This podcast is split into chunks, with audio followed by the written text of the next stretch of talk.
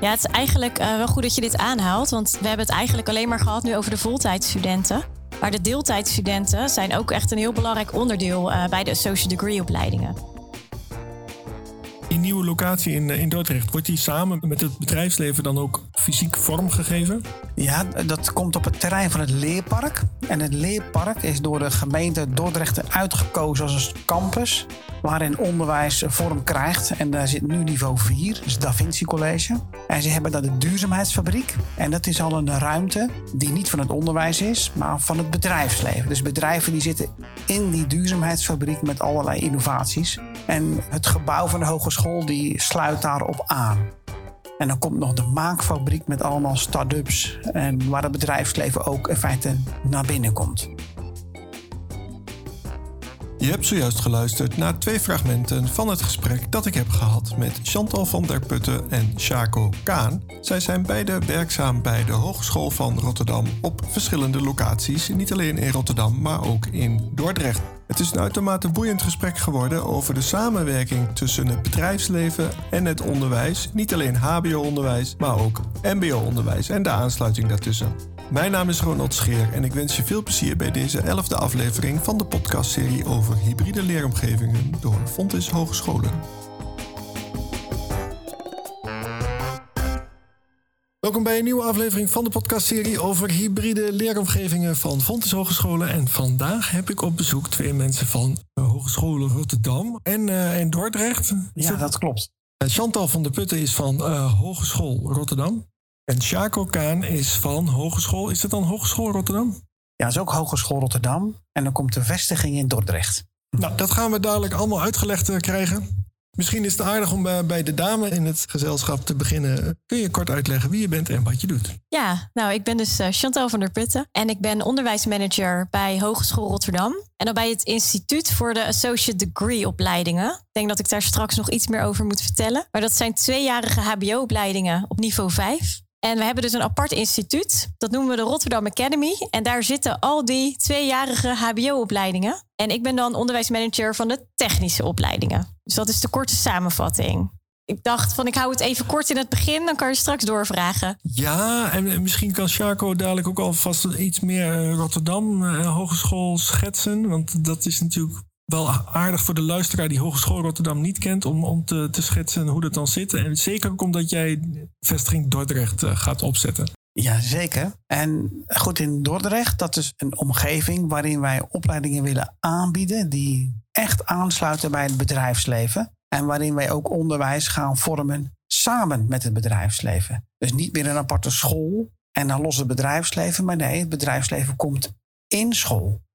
Zo moet je het zien. Dus dat we ook opleiden in feite direct voor het bedrijfsleven. Op AD-niveau. Ja, voor de luisteraar die dat associate degree niet zo goed kent, want het is relatief nieuw. Kun je dat eens uh, kort... Zal ik daar iets over vertellen? Nou, je hebt natuurlijk MBO niveau 4. Dat, dat kennen de meeste mensen in het onderwijs heel goed. Dus MBO niveau 4. Dan heb je de bachelor, dat is uh, niveau 6. En dan had je eigenlijk in Nederland heel lang niks. Dus je had geen niveau 5. Nou, dat is natuurlijk eigenlijk heel bijzonder. Want je gaat dan ervan uit dat je van niveau 4 meteen door moet naar niveau 6. Terwijl eigenlijk dat niveau 5 in Nederland ontbrak. Terwijl in uh, landen als Amerika of andere landen in Europa bestond dat niveau 5 al wel een hele lange tijd. En dat niveau 5 moet je zien als in Nederland in ieder geval als het meer praktijkgerichte HBO. Dus het is echt hoger onderwijs, maar dan meer praktijkgericht ruim tien jaar geleden is, is, zijn we daarmee gestart in Nederland, dat die mogelijkheid er was. Daar gaat een hele lange geschiedenis aan vooraf. Dat lijkt me niet heel relevant voor de podcast. Maar het komt erop neer dat de Rotterdam Academy tien jaar geleden gestart is. Dus bij Hogeschool Rotterdam als instituut met die niveau 5 opleidingen. En wat daarbij heel belangrijk was, was dat het echt een samenwerking is met het MBO. Dus het is, het is niet van het MBO, maar het is een samenwerking met het MBO. En het is dus echt hoger onderwijs, maar wel echt praktijkgericht. En we zorgen daarmee ook dat de overgang van het MBO naar het HBO veel soepeler verloopt. En op het moment dat iemand na twee jaar dat Associate Degree Diploma heeft behaald, kan deze student in nog twee extra jaren ook zijn bachelor behalen. Dus je kunt het ook zien als een tussendiploma, maar je kunt het ook zien als een einddiploma. Dus er zijn ook heel veel studenten, en dat is ook echt een bedoeling, die als hun associate degree hebben gehaald, meteen doorstromen naar het bedrijfsleven. Maar je hebt natuurlijk ook een groep studenten die het heel fijn vindt om verder te studeren. Nou, die kunnen in twee jaar tijd hun bachelor behalen. En als ze dan nog door willen, kunnen ze natuurlijk ook nog in twee jaar tijd hun masterdiploma behalen. Dus zoals je ziet, zijn ja, die, die overgangen zijn op die manier eigenlijk veel logischer gemaakt.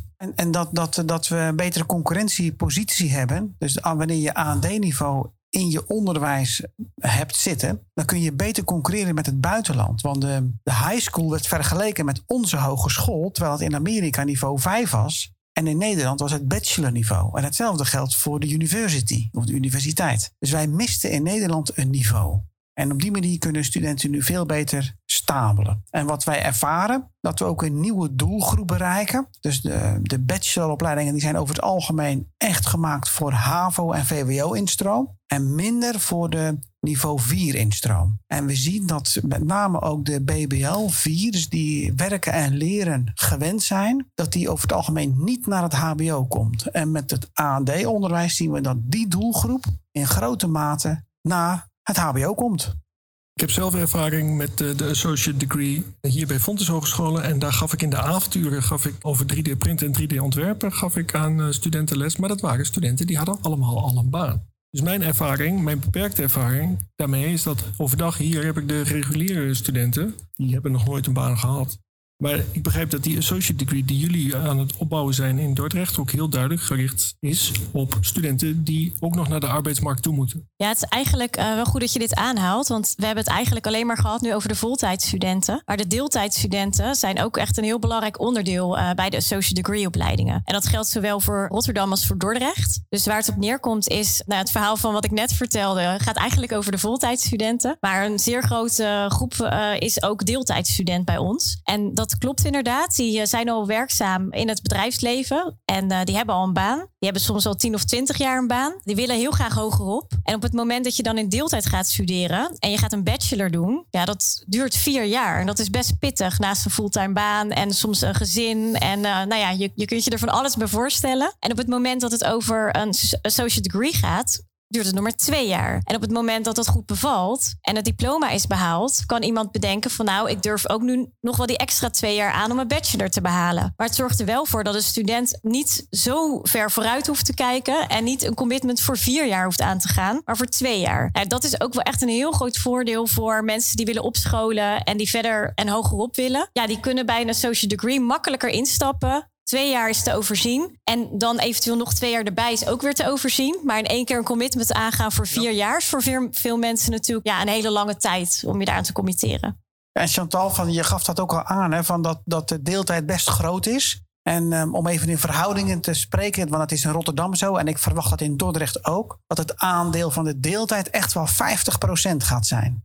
Dus als je hoger onderwijs hebt en er is 50% van de studenten die studeert in deeltijd. En dat is heel veel. Ja, en waar we het nu ook voornamelijk over hebben op dit moment zijn de techniekopleidingen. En bij de techniekopleidingen hebben we bijvoorbeeld ook bij in Rotterdam een opleiding, integraal bouwmanagement, combinatie van civiele techniek en bouwkunde. En die bieden we ook alleen maar aan in de deeltijd. Dus we hebben ook af en toe opleidingen waarvan we zeggen van nou dit is, vinden wij dan in Rotterdam op dit moment vooral relevant voor de deeltijd om het als associate degree aan te bieden. En dan doen we dat op die manier. Dus het is niet zo dat van elke opleiding een voltijd en een deeltijdopleiding bestaat. Er wordt echt gekeken van waar is behoefte aan op de arbeidsmarkt. En aan de hand van de behoefte wordt de opleiding ontwikkeld en wordt er gekozen voor alleen deeltijd, alleen voltijd of allebei.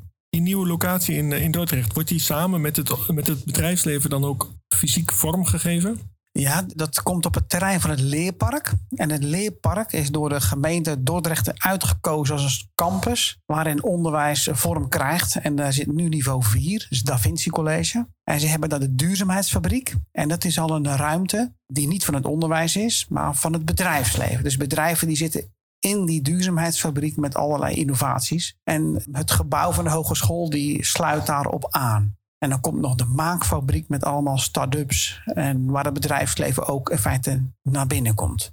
Ja, we hadden al contact wij geven al sinds jaren onderwijs in de duurzaamheidsfabriek, waar Shaco het over heeft. We hebben dus onze nou ja, lessen in de klas, uh, dus wiskunde, constructieleer, ik noem maar iets. Maar onze studenten, onze voltijdstudenten, goed om erbij te zeggen, gaan ook één dag in de week naar de duurzaamheidsfabriek.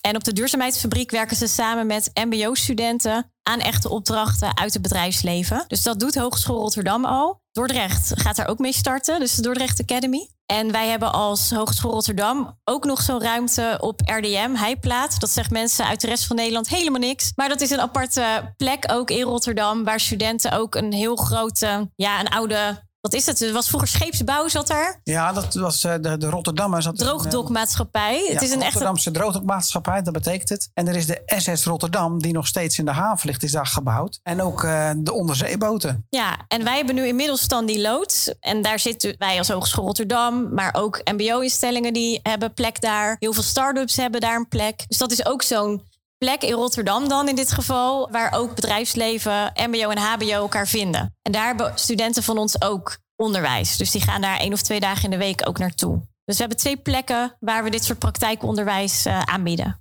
Uh, wij werken hier bij Fontes Hogeschool met veel met hybride docenten. Daarmee bedoelen wij dat er docenten zijn die één of twee dagen in de week bij ons werken en de rest in het bedrijfsleven of andersom. Werken jullie ook met dergelijke hybride docenten? Ja, dat verschilt per opleiding. Maar voor de opleiding uh, integraal bouwmanagement bijvoorbeeld, denk ik dat de helft van onze docenten hybride docenten zijn. En dat zijn mensen die zijn ook vaak best wel stoer, vind ik. Want die werken en fulltime in het bedrijfsleven. En dan nog eens één tot twee dagen. Dus dat doen ze dan met meer uren per dag natuurlijk. Uh, voor ons. Dus dat zijn wel docenten die inderdaad, nou ja, s ochtends vroeg beginnen. En het dan heerlijk vinden om s'avonds door te gaan uh, bij het hoger onderwijs. Dus we hebben zeker de hybride docenten. En ja, dat zijn er best wel wat die dat leuk vinden. Moet dat het voor de voltijdopleidingen lastiger is. Want de docenten die dit soort banen hebben, moeten vaak overdag werken bij hun eigen bedrijf bijvoorbeeld. Dus het is voor deze docenten vaak makkelijker bij ons om in de avonduren voor ons te werken. Dus wij zien dat dat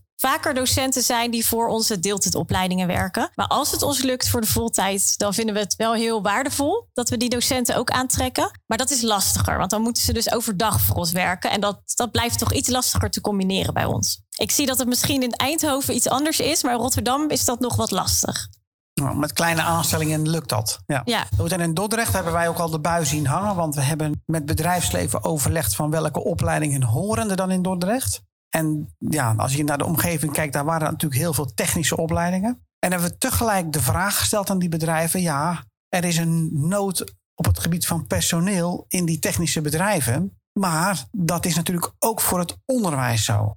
Dus ga maar eens een technische docent zoeken die je nodig hebt. Dus we hebben dat probleem ook gedeeld met bedrijfsleven. En ze uitgedaagd om ook ja, hun eigen personeel beschikbaar te stellen om ja, les te komen geven straks op de Dordrecht Academy. En de meeste bedrijven die staan daar echt voor open. Ook bij, juist bij die associate degree? Ja, ja om hun personeel voor één, twee dagen zeg maar, op een bepaald specifiek gebied eh, beschikbaar te stellen. Om de kennis te kunnen delen. Nu hebben wij, voordat wij begonnen aan het opnemen van deze podcast, hebben wij uitgebreid voorgesproken met z'n drieën over de verschillende projecten die we samen met bedrijfsleven en studenten opzetten. Kun je daar nog eens één of twee van, van benoemen? Dan, ofwel doorlopende projecten vanuit het MBO voortgezet onderwijs naar wat jullie doen, of iets daarna? Jazeker. Nou, voorbeelden zijn de projecten in de duurzaamheidsfabriek, waarin de AD-studenten samen met de MBO'ers aan reële projecten werken. Dus aan echte projecten die bedrijven geven. En het kunnen projecten zijn een noodzaak van een bedrijf, een probleem die ze op gaan lossen. Maar soms zijn die problemen zo groot dat dat in een soort estafette opdracht terugkomt. En dat dan de ene groep het overdraagt aan de volgende groep. En dat, dat die groepen studenten in feite uiteindelijk tot een oplossing komen na een jaar, anderhalf, twee jaar. En een mooi voorbeeld vind ik dat met echte projecten. dat je soms ook een diepere laag aanraakt. En ik zal drie voorbeelden noemen. Eén voorbeeld van een hybride sleeboot. Nou, die studenten zijn natuurlijk allemaal bezig met die fossiele brandstoffen. Daar moeten we in terug. Nou, nu komt dat probleem direct op hun bord. En dan zegt zo'n werkgever: jongens, komen jullie maar eens aan dames, komen jullie maar eens kijken op die hybride sleeboot. En dan krijgen ze op dat moment een indruk hoe groot, hoe het echte leven in feite is. En dat stimuleert geweldig. Een tweede voorbeeld, dat het Albert Schweitzer ziekenhuis, dat vind ik altijd een heel mooi voorbeeld, een couveuse energie-neutraal wilde hebben. En studenten gingen daarmee aan de slag. En dan zag je gelijk dat een aantal dames daar echt warm voor liepen, zeg maar. Die wilden dat heel graag doen. Maar wat was hun motivatie? Natuurlijk, die couveuse moest energie-neutraal worden. Maar je ging daarmee de kindersterfte in Oeganda terugdringen. En dat triggerde die studenten. En nog een mooi voorbeeld is dat ja, een, een probleem met windmolens, met een spanning van bouten. Dat studenten daarmee aan de slag zijn gegaan en na een aantal estafette-projecten, zeg maar, is uiteindelijk een student afgestudeerd en die begint voor zichzelf. In die techniek die hij geleerd heeft in jaar 1 tijdens de AD. Misschien kun je ook vertellen over de prijzen die daarmee gewonnen zijn. Uh... Oh ja, ja, ja, ze hebben op school hebben ze meegedaan met een jonge ondernemer. En toen zijn ze derde geworden, volgens mij. Ja, landelijk. maar ze zijn, zijn derde gewonnen. Ja, als, en dat doen ook bachelorstudenten mee mee. En uh, dat zijn natuurlijk op zich een prachtige ervaring. In de pers is dat naar voren gekomen als een potentieel miljoenenbedrijf. En dat was ook een project waarin ook meerdere studenten samenwerkten. Het was echt een prachtig project. Dat was van die eh, windmolen? Ja, ja, een boutspanningsmeter van een windmolen. Eh, ze gingen dus op afstand, kunnen ze nu meten of een bout eh, wel of niet onder spanning staat? Ja, ja het probleem was voor degene die dit moest controleren, dat je op zee, zo'n windmolen, je moet dan 100 meter omhoog, dat is heel gevaarlijk werk, heel intensief. En ja, de, gelukkig is 99 van de 100 keer staan die bouten allemaal vast. Dus het werk wat je doet is ook een beetje doelloos, lijkt dat. En op dit moment hoeft dat niet meer, want die meten die meterspanning. En wanneer die pas uit de pas gaat lopen, die spanning, dan pas gaan ze naar boven toe. Dus het levert ook heel veel geld op. Het bespaart ook vooral heel veel geld eigenlijk. ja. Toen waren we wel trots op onze studenten dat ze daar helemaal zelf uh, mee gekomen zijn, uh, natuurlijk. Dat snap ik. We hebben het gehad over de, de fysieke locaties waarin jullie eh, lessen verzorgen. De, we hebben het gehad over de docenten die lessen verzorgen, ook samen met het bedrijfsleven, allebei, hè, de locatie en uh, de lessen. Een van de dingetjes wat we nog niet hebben besproken is, hoe ga je om met beoordelen? Ik ga ervan uit dat de mensen vanuit het bedrijfsleven mee, in elk geval een mening hebben over het cijfer. Wordt dat meegenomen? Hoe gaan jullie daarmee om? Ja, dat, dat wordt sowieso meegenomen. En zeker in een afrondingsfase, dus in het afstuderen, dat duurt een half jaar. Waarin studenten ehm, ja, vier dagen per week in een bedrijf zitten. Dus het bedrijf heeft ook heel veel informatie. Zeker ook over het proces wat een student doormaakt in zijn ontwikkeling. En dat wordt zeker meegenomen. Dus we, we gaan aan het begin van zo'n periode naar het bedrijf toe. En we onderhouden contact. En op het laatst, tijdens de zitting, dan is zo'n begeleider van het bedrijf is ook aanwezig. En die beoordeelt mee. Er is een klein verschil, omdat een cijfer dat mag een docent geven, omdat die door de examencommissie benoemd is als examinator. En iemand uit het bedrijfsleven is dat niet, dus die adviseert dan. Het is wel zo dat dat advies altijd heel zwaar wordt meegenomen. en ook nog leuk om te vertellen dat we hebben een beroepenveldcommissie. En als opleiding in Rotterdam. Afgelopen jaar is dat volgens mij ruim twintig keer is dat voorgekomen dat iemand van de beroepenveldcommissie ook zo'n afstudiezitting bijwoont. En ook meedoet in de beoordeling en daar advies over geeft. Dus dan hebben we tijdens een afstudeerzitting twee docenten, de begeleider uit het bedrijfsleven en nog een lid van de beroepenveldcommissie. Ik heb wel eens een externe deskundige, maar die kijkt op het proces en die kijkt, naar, die kijkt mij op de vingers. maar dat is dus bij een afstuderen kan dat bij jullie ook op die manier. Als het adviserend is, hè? We mogen het, dat we altijd, moet ik er altijd even heel correct bij vermelden natuurlijk. Oh, maar dat is super interessant. Ook voor die student is dat natuurlijk het wel eng op dat moment. Maar het is toch interessant dat er iemand bij meekijkt. Ja, en het leuke is om te vertellen, omdat goed, bij de AD heb je ehm, de instroom over het algemeen niveau 4, eh, voltijd, deeltijd. En dan hebben ze al in het bedrijfsleven gewerkt. Dus die, die, die hebben al werkervaring. Dan gaan ze de AD doen. En dan hebben wij ja, contacten met oud-studenten die dan vier, vijf jaar terug afgestudeerd zijn. En die zijn nu ja, heel veel zijn er lid geworden van de beroepenveldcommissie. En dat zijn er oud-studenten die, ja, die ja, rond de 30 zijn, zou je kunnen zeggen, die nu de jongere studenten in feite feedback gaan geven op hetgeen wat zij gedaan hebben. En dat is een hele mooie ontwikkeling. En zeker dat op die manier bedrijfsleven en onderwijs echt heel nauw met elkaar verbonden zijn. En dat is natuurlijk wat we ook uiteindelijk willen. Je wil dat dat één wereld is en niet twee losse werelden. Ja, want dan leid je ook studenten op waar het bedrijfsleven nu direct iets aan, uh, aan heeft. Precies. Oké, leuk.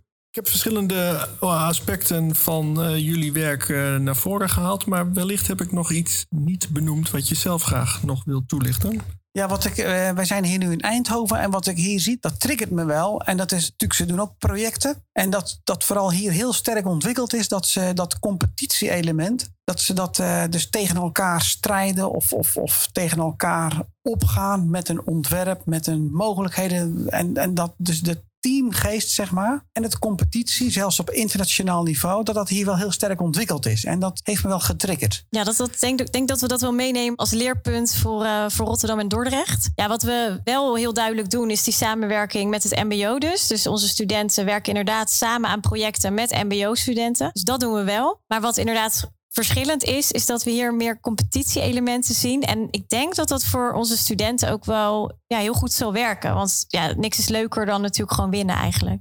Ja, en toch zeg ik altijd tegen mijn studenten: al win je helemaal niks. De, de reis er naartoe, het stellen van de doelen en het samen met andere teams je kennis delen. dus ook buiten je team, met, met je concurrent je kennis delen, daar moedig ik mijn studenten voor aan die reis er naartoe, dat moet eigenlijk al zijn waar je het voor doet. Zeker. Vervolgens, de mensen die mij al wat langer volgen en die mij kennen, die weten dat ik een groot fan ben van allerlei internationale wedstrijden om mijn studenten aan deel te laten nemen daarin ben ik vooral niet alleen, maar het is in Eindhoven niet alleen maar dat alle docenten zo zijn. Ik ben daarin wel uh, ja, misschien wat in doorgeslagen, in positieve zin, denk ik. Want de studenten die zijn, die zijn heel erg gemotiveerd en die leren daar ontzettend veel van. En die komen ook bij het bedrijfsleven heel makkelijk aan stage, afstuderen en een baan. Maar dat even voor de luisteraar, voordat je denkt in Eindhoven is iedereen alleen maar bezig met winnen, winnen, winnen en uh, ten koste van anderen. Helemaal niet. Het is vooral samen kennis delen. Ja, en wat ik ook wel zie, dat het een meerwaarde heeft voor um, de opbouw van je netwerk. Dus vroeger hadden we um, in deze omgeving Philips. Nou, dat was natuurlijk een familiebedrijf. En had je daar een baan, nou, dan was je voor de komende 40 jaar, je leven lang, zat je daar. Maar die tijd is voorbij. En ik denk dat studenten nu heel sterk uh, succesvol kunnen zijn met een heel goed netwerk. En wanneer je die in je studententijd al op kunt gaan bouwen, dat, dat vind ik echt een meerwaarde. Ja, in het kader daarvan wil ik wel iets vertellen over uh, ons project met statushouders. Dat is een project dat, ik denk in 2016 zo ongeveer is gestart, Jaco. Ja, dat was het moment dat er uh, vooral veel Syrische studenten naar Nederland kwamen. En we hebben als School Rotterdam in samenwerking met UAF en in samenwerking met Dura Vermeer hebben we een, uh, zijn we een project gestart een werkleertraject om studenten heel snel op hun eigen niveau het bedrijfsleven in te krijgen. En omdat er heel veel vraag was naar studenten in de richting bouwkunde en civiele techniek zijn we daarmee begonnen. En waar het op neerkwam is dat studenten bij ons een voortraject deden. Daar leerden ze de Nederlandse situatie. Dat was, duurde een half jaar, moet ik even bijzeggen. Uh, daar leerden ze nou ja, wat meer over de taal. Daar leerden ze wat meer over ons onderwijssysteem. Dan startten ze met hun AD-diploma. Voordat ze daarmee startten, hadden we een event waarbij we allemaal bedrijven uitnodigden. Dat was dan een zogeheten uh, matchings-event. En studenten konden op die manier of een stageplek krijgen bij een uh, bedrijf. En dat was dan niet alleen maar Dura Vermeer natuurlijk. Dat waren allemaal verschillende uh, bedrijven in die sector. En vervolgens, nou, ze konden dus of een stageplek of, een, of soms al meteen een baan krijgen. Dat was natuurlijk helemaal mooi. Dan gingen ze twee jaar lang die associate degree opleiding in deeltijd volgen. Daarnaast werkten of liepen ze stage drie à vier dagen in de week. En aan het einde van de opleiding hadden ze en een Nederlands diploma en een baan. Ja, en dat was wel een van onze pareltjes onder de projecten, vonden we zelf. Omdat we zeiden van op deze manier zorgen we dat die studenten echt direct kunnen participeren. En dat willen ze ook. Studenten zeiden, we willen niks liever dan voor ons eigen geld zorgen en belasting betalen. Nou ja, en we hadden studenten die dus hier pas een paar jaar waren, meteen al een baan kregen. En nou ja, na twee jaar Nederland te zijn geweest, al uit de uitkering waren en hun, hun eerste contract binnensleepten. Ja, dat waren natuurlijk hele mooie voorbeelden. En dat gold wel zowel voor sommige jonge mannen. We hadden ook een paar wat oudere mannen. Dus er waren ook wat uh, studenten die waren al uh, rond de 50 die deelnamen. En we hadden best wel wat vrouwen ook uit Syrië, die ook heel graag ditzelfde traject uh, doorliepen. En die dat ook echt nou ja, heel keurig hebben gedaan. Dus ja. dat is wel een van onze de projecten waar we altijd wel heel erg blij van werden dat we dat mochten ondersteunen. En dus we hebben dat echt als Rotterdam Academy altijd ja, heel intensief opgepakt. En we doen het nog steeds. Ja, en ja. ik vergeet niet dat daar kiezen meer dames voor de techniek. Dat ik Hollandse jongens met die Syrische dames een keer aan de tafel zag. En toen vroeg wat doen jullie? Hè? Dat, ik was er al een paar keer langs gelopen en ze bleven maar zitten. En toen waren de Syrische dames waren de wiskunde aan het uitleggen voor onze Hollandse jongens. Want dat was er daar wat meer, um, hadden ze beter gehad, zeiden ze, dan dat ze hier kregen. Ja, klopt. Dat is wel een leuke opmerking. En op dit moment heb ik ook twee peercoaches. Ik weet niet of jullie dat kennen, maar dat is hetzelfde als studentassistent. Dus uh, studenten die andere studenten uh, nou ja, bijles geven of extra college uitleggen. En we hebben nu ook weer twee Syrische mannen, zou ik toch maar zeggen, want ze zijn een beetje mijn leeftijd. En die geven nu peercoaching. Dus die geven nu onderwijs. Die zitten zelf in jaar twee en die geven onderwijs aan onze eerstejaarsstudenten als bijles. Dus die geven extra uitleg over vakken als wiskunde. Ja, en dat is heel mooi, want daarmee zie je die volledige gelijkwaardigheid. En dat iedereen zijn eigen krachten en zijn eigen sterktes heeft. En als je dat samenbrengt en combineert, dan ja, krijg je een hele mooie groep studenten natuurlijk. Ja, ja dus uh, samenwerking met het bedrijfsleven en, en deze uitwisseling en, en kennisuitwisseling waar je het over hebt, staat natuurlijk centraal in deze podcastserie over uh, hybride leeromgevingen. Ik had net gevraagd of jullie afsluitend nog wat hadden toe te voegen. Is dat dan bij deze gebeurd? Want ik heb drie afsluitende vragen. Wat is het meest recente boek wat je hebt gelezen?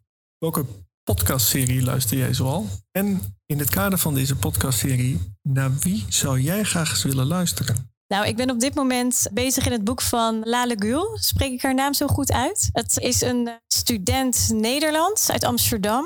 En zij heeft nu haar eerste boek geschreven. En dan, uh, zij, is, uh, ze heeft Turkse ouders.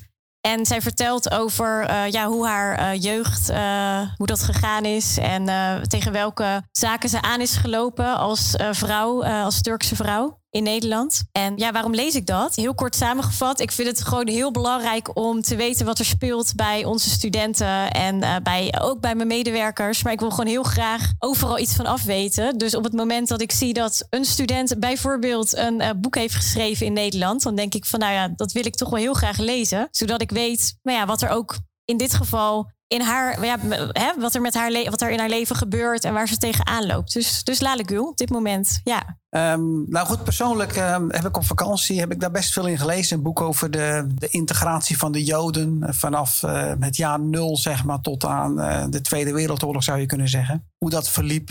En dan schaam je jezelf toch wel hoe Europa daarmee om is gegaan. En daarvoor heb ik nog een boek gelezen en dat ging over de ontwikkeling van beroepsonderwijs in Nederland. En dat was echt wel omdat ik daar belangstelling voor heb. Uh, van hoe, hoe is het onderwijs en het bedrijfsleven? Hoe is die samenwerking tot stand gekomen? En wat deden ze toen? Hoe ging dat? En één ding wat ik daar nog van onthoud is dat, dat studenten of werknemers 48 uur aan het werken waren in de week. En ze werkte negen uur op een dag. En dan zaterdagsmorgens dan mocht je nog komen om de zaak schoon te maken. En deed je dat goed, dan was je om twaalf uur klaar. Dan dacht ik van, hé, hey, hoe zouden we daar nu tegenaan kijken? Ja, dat is nu wel even anders. Ja, de podcast uh, die ik wel eens luister, is van uh, de Universiteit van Nederland. Nou, die wilde ik ook zeggen. Shit.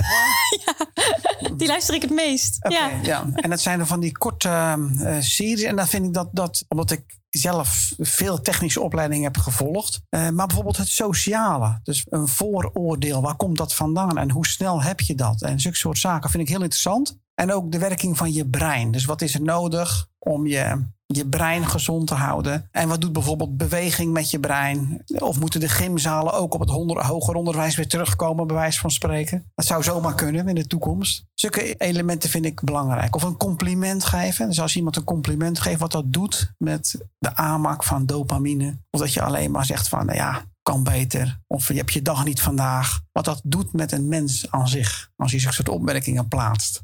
Ja, ik luister dus ook het meest naar deze podcast. Omdat het inderdaad, het zijn korte podcasts. Dus ze duren vaak een kwartiertje. Het gaat over alle soorten onderwerpen. Dus je kan kijken, oké, waar ben ik vandaag ontzettend in geïnteresseerd? En dan kan je daar iets over opzoeken. Dus ik vind het concept heel fijn. Ik uh, zoek naar iets waar ik op dat moment interesse in heb. En daar wil ik dan meer over weten. En dan uh, luister ik zo'n podcast. Dus uh, ik sluit me aan bij Chaco in dit geval. Nou, dat had ik niet verwacht dat we precies hetzelfde meteen zouden zeggen. En nu nog wie we hier zouden willen horen. Nou, ik denk dat het heel interessant is om een student ook eens te horen. En dan studenten die gestudeerd hebben eh, en dan zeg maar vier, vijf jaar aan het werk zijn. En hoe zij dan terugkijken op hun onderwijs. Ik denk dat het heel interessant is om daar eens over te hebben, te praten, te kijken hoe ze er nu tegenaan kijken. Ja, dat vind ik wel uh, heel interessant ook inderdaad. Iemand die ik uh, graag in deze podcast zou willen beluisteren Eigenlijk, ja, misschien is het nu op dit moment een klein beetje cliché, maar ik zou nu voor Splinter Chabot gaan. En, en waarom zou ik dat willen? Nou, ik ben naast dat ik werkzaam ben voor Hogeschool Rotterdam, ben ik ook voorzitter van Student Pride Nederland. En het leuke aan Splinter vind ik dat hij